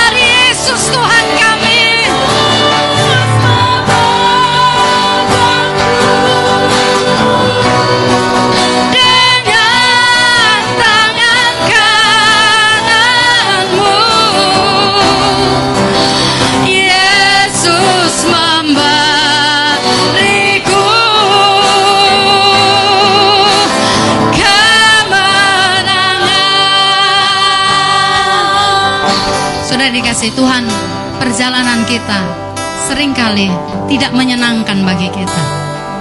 Bukan sesuatu yang kalau kita suruh pilih, kita akan pilih itu. Tapi maukah engkau menaruh semua egomu itu? Engkau bergaul dengan Tuhan. Kau menyampaikannya dan berkata, Tuhan ini nggak nyaman. Aku nggak suka dari sini. Bicaralah Tuhan.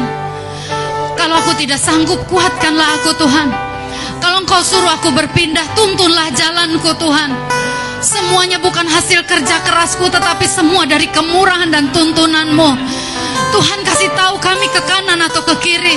Kalau hari ini engkau sedang ingin membuat keputusan, biarlah engkau berkata, bicaralah sang penjunan.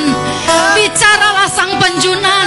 Hembuskanlah nafasmu kepadaku. Aku ini cuma tanah liat yang kau bentuk. Aku tidak bisa lakukan lebih daripada kesanggupan yang lahiriah kalau bukan engkau yang bicara bagi kami.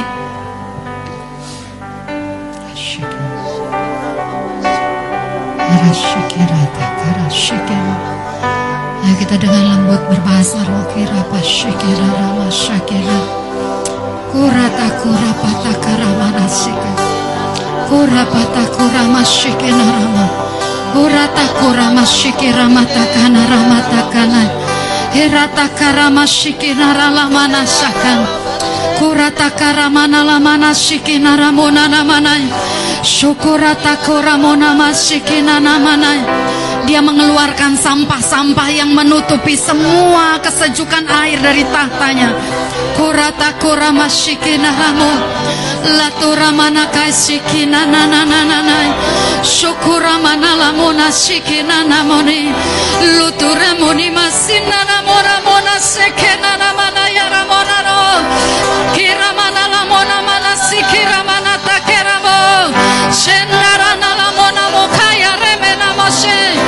Chocolate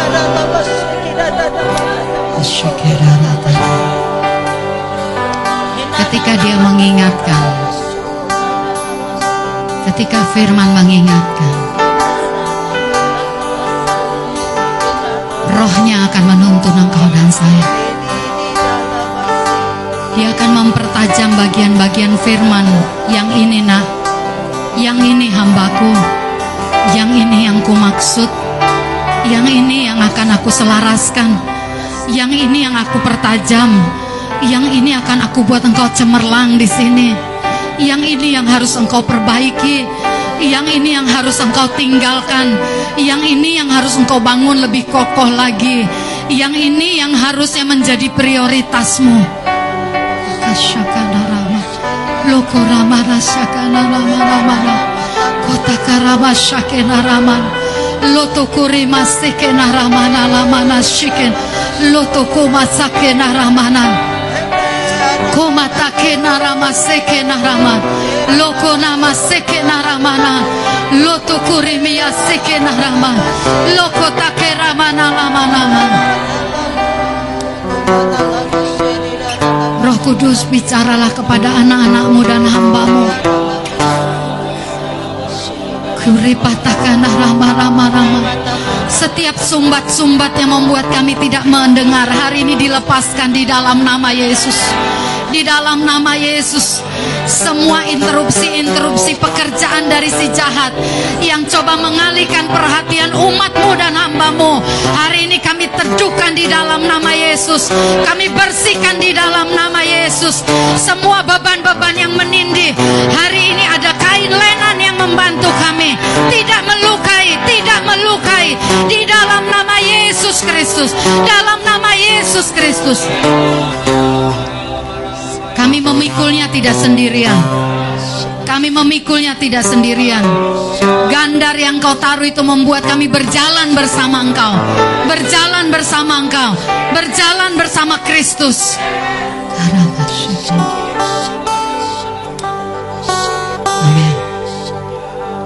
Kalau dia bertanya lewat lagu ini. Nah, ketika engkau mengingat apa yang kau pikul, masih adakah ketakutan?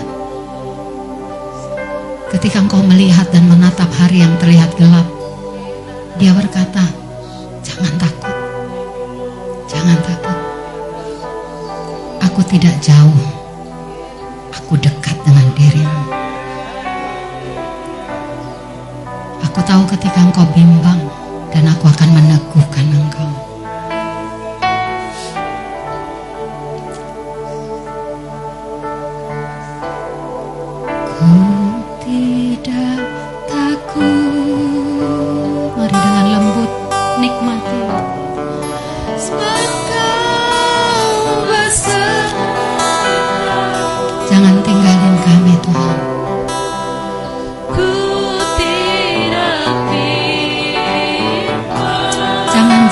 dari umatmu dan hambamu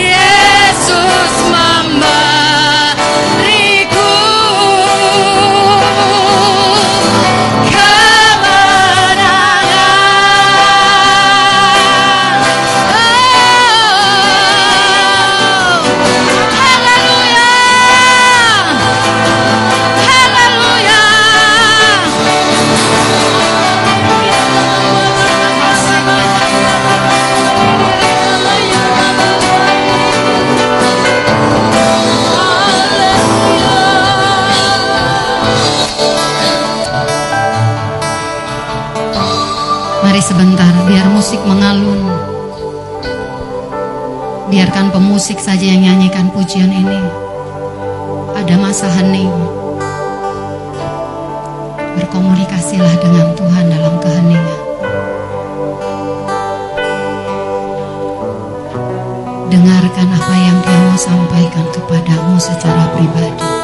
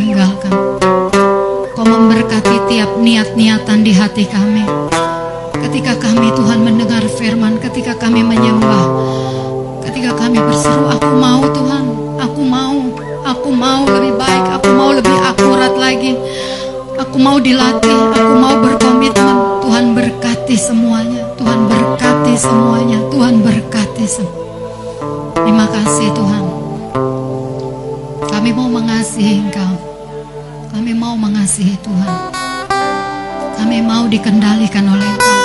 Kami mau diatur oleh Tuhan. Kami mau dituntun. Terus tuntun kami Tuhan. Jauhkan kehilafan dari kami. Beri keinsafan terus kepada kami Tuhan. Beri keinsafan. Hadiratmu Tuhan memulihkan setiap kami. Keletihan kami diganti kesegaran ketakutan digantikan dengan keyakinan akan pengharapan di dalam Engkau. Kami bersyukur di dalam nama Tuhan Yesus Kristus. Haleluya. Amin. Silahkan duduk kembali, beri tepuk tangan buat pemberian Tuhan. Saya kembalikan kepada pemimpin acara.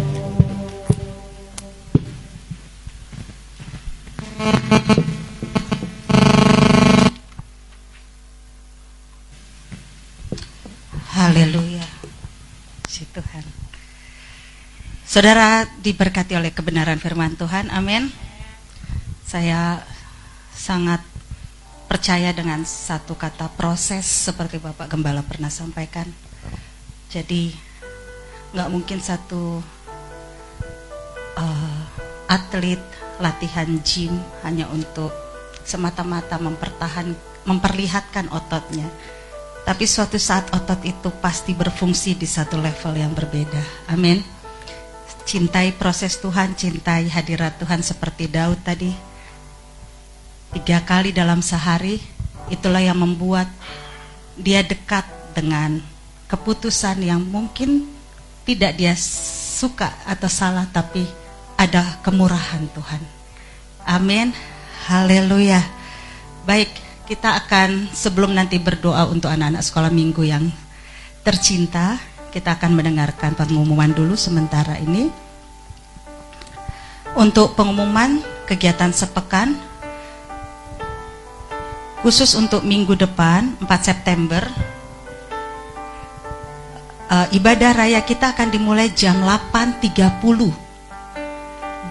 Oke, itu sudah ada dicoret dan menjadi 8.30 Mari siapkan seluruh keberadaan di rumah apa pun kegiatanmu siapkan untuk jam 8.30 sudah sama-sama berada di tempat ini. Amin. Siap? Haleluya. Dan hari ini usai ibadah jemaat akan tetap di tempat. Akan ada pengarahan dari tim acara ulang tahun gereja.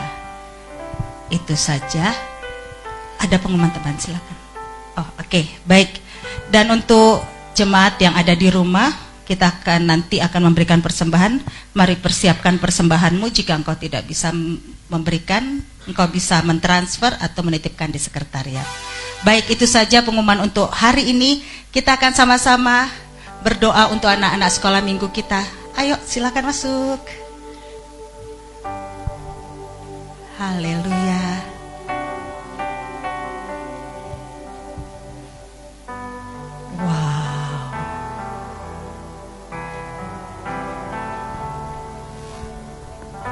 Untuk an untuk anak-anak yang ada di rumah, Bapak Ibu yang ada di rumah boleh mendampingi anak-anaknya. Kita akan sama-sama berdoa bersama Ibu Gembala.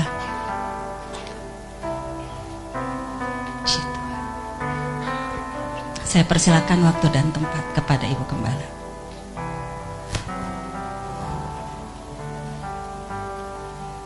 Anak-anak, kita nyanyi satu lagu ya. Nyanyi lagu Yes, Jesus love me. Tahu lagunya? Yes, Jesus love me. Diulang-ulang aja. Yes,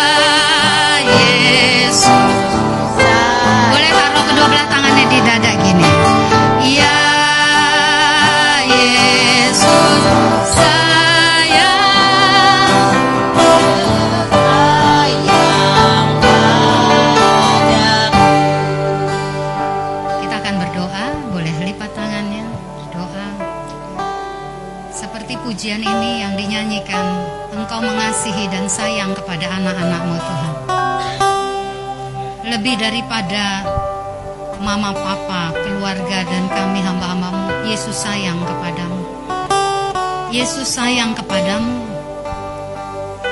Yesus mengkreat, merancang masa depan bagimu. Yesus akan membuat engkau bersinar. Yesus akan membawa engkau berjalan di jalan-jalan yang penuh kemenangan. Dari masa kecilmu engkau dijagai Tuhan. Dari masa kecilmu engkau dilindungi, engkau melihat karya Tuhan lewat orang tua, lewat semuanya. Bahkan dari masa kecil aku berdoa, penumpangan tangan akan membuat rohmu sensitif, mengerti, mendengar. Bahkan engkau akan dipakai Tuhan. Yesus mengasihimu.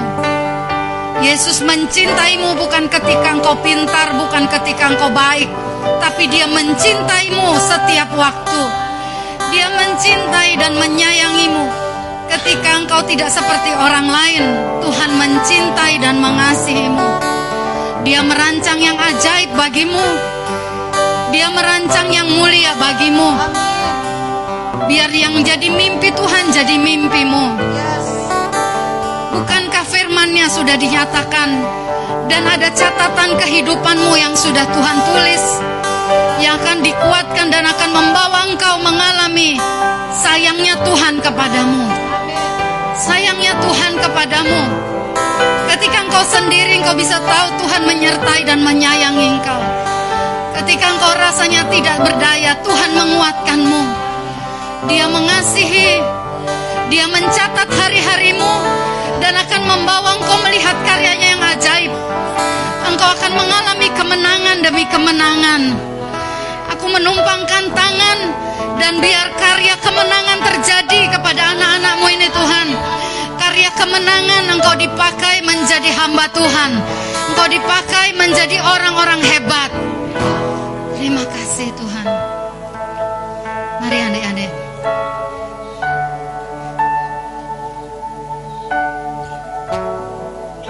Waktu lipat tangan, tutup mata. Tuhan yang sedang juga ada di tempat ini. Aku berdoa buat Tuhan anak-anakmu yang di rumah. Kasih sayangmu engkau curahkan kepada mereka. Yes, Jesus love you. Yesus sayang kepadamu. Biar tanganku ini Tuhan yang berada di tempat yang berbeda. Tapi hari ini hadiratmu mengirimkan tanganmu sendiri tertumpang atas anak-anakmu di rumah.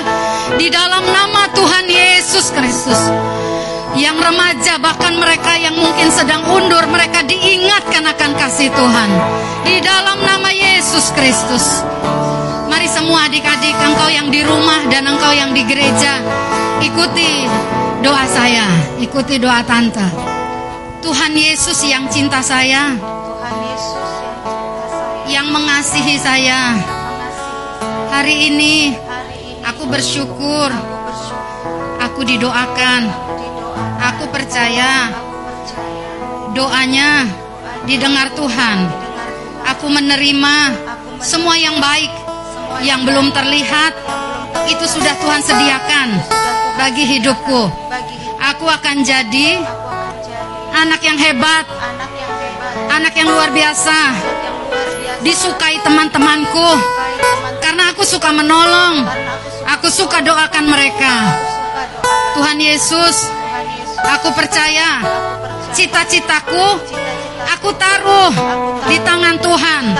Tuhan yang jadikan, Tuhan yang wujudkan buat hormat, kemuliaan bagi nama Tuhan. Aku anak yang disayang Tuhan. Tuhan Yesus sayang banget sama aku Terima kasih Tuhan. Terima kasih Tuhan. Jadilah semua ya Allah yang terbaik bagi anak-anakmu. Generasi yang akan menjadi bintang yang hebat ini. Kami memberkatinya di dalam nama Yesus. Amin. Amin. Mari iringi perjalanan mereka dengan tepuk tangan buat Tuhan. Haleluya.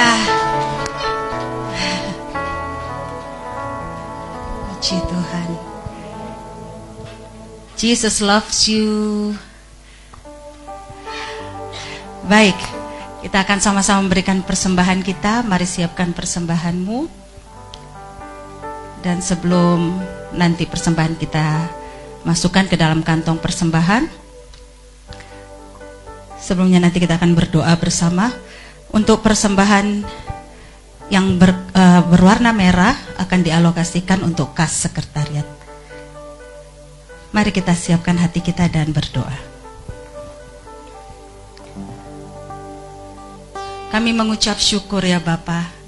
Terima kasih untuk kesempatan ini Tuhan ketika kami menggenggam dan memegang persembahan kami. Tuhan, adalah kemurahan-Mu kami bisa memberikan saat ini.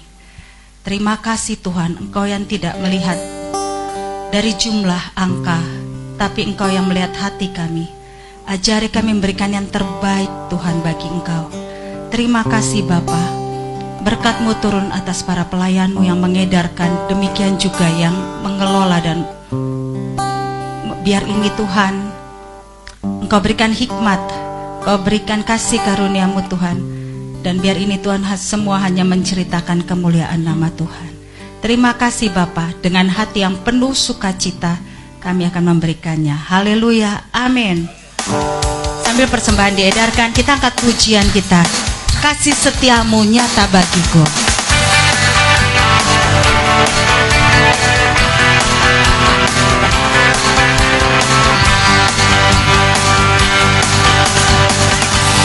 Kasih setiamu nyata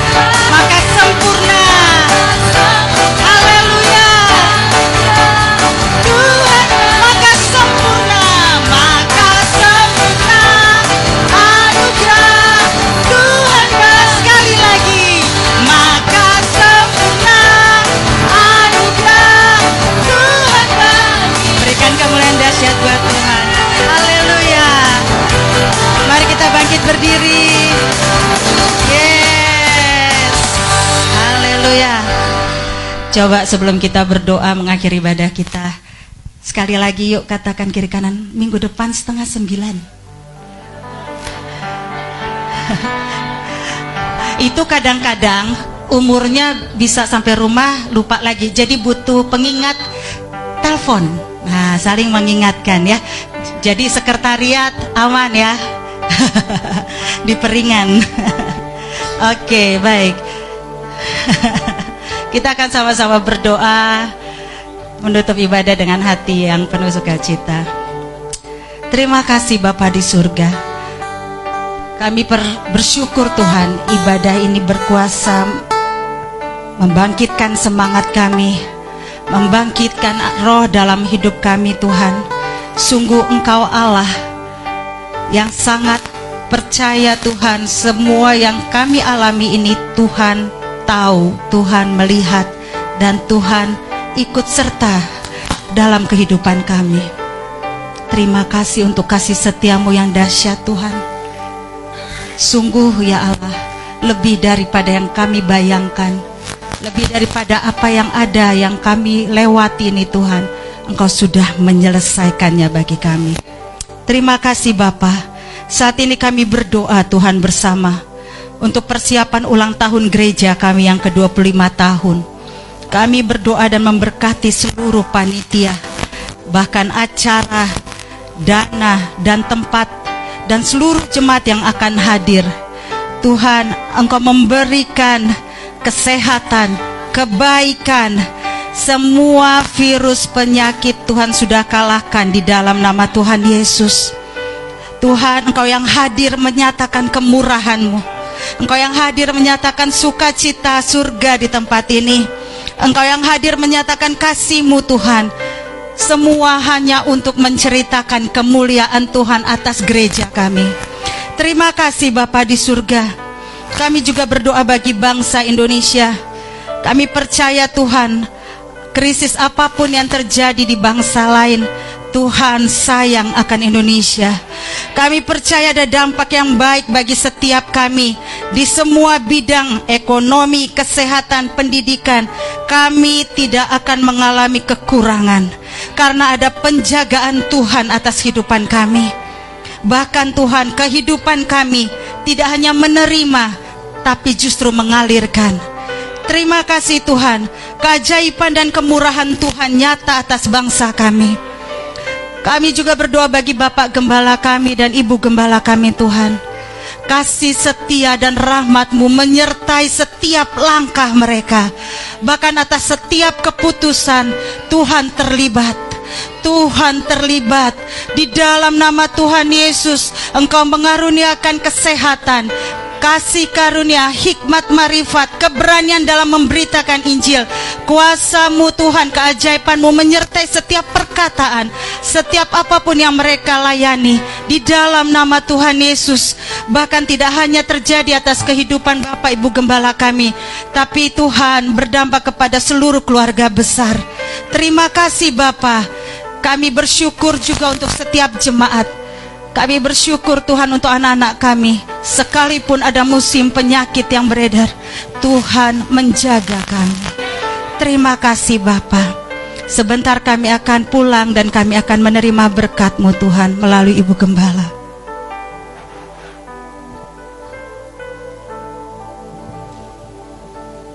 Mari arahkan hati dan pikiranmu kepada dia. Bertobatlah dan tetaplah tenang maka kamu akan kuselamatkan. Percayalah kepada Tuhan dengan hati yang tentram, maka kamu akan dikuatkannya. Terima kasih Tuhan. Kami percaya ini waktunya di mana Tuhan menantikan saatnya untuk menunjukkan belas kasihannya kepada kami. Terima kasih Engkau siap sedia untuk mengasihani kami. Tuhan adalah Allah yang melakukan apa yang tepat. Berbahagialah orang yang berharap kepadanya. Kami mengangkat tangan kami kepada Sang Penjunan. Kami mengangkat tangan kami. Biar kiranya Tuhan, kami membawa pulang berkat hati yang tentram, roh yang lemah lembut, hati yang percaya terpaut kepadamu. Bukan ketenangan yang lahir dari pengertian lahiriah semata, tapi ketenangan yang jauh di dalam, yang tidak bisa dijelaskan tetapi itu menentramkan batin umatmu dan hambamu Diberkatilah perjalananmu, diberkatilah pekerjaan tanganmu, diberkatilah buah pikiranmu, diberkatilah ketutur katamu. Ketika engkau berbincang satu dengan yang lain, diberkatilah tiap kata-kata yang keluar dari lidah bibirmu, akan keluar kata-kata yang membangkitkan, membangun, mengarahkan jalan Diberkatilah engkau dengan segala kelimpahan hikmat dari sorga. Engkau akan dibuat bergiat, engkau akan diberi ketekunan, engkau diberikan sesuatu yang berbeda, yang bukan dari semata-mata usahamu. Berkat yang ilahi turun atasmu, kasih karunia dari Allah Bapa Pengorbanan dari putranya yang tunggal Tuhan Yesus Kristus akan selalu mengingatkan engkau betapa engkau dikasihinya. Pengajaran dari pribadi Allah Roh Kudus akan mendampingi dan menuntun engkau. Mulai dari hari ini sampai Maranatha Yesus datang pada kali yang kedua. Di dalam nama Tuhan Yesus Kristus. Semua kita yang menerima sama-sama katakan. Amin, amin, amin. Tuhan Yesus memberkati. Selamat hari Minggu.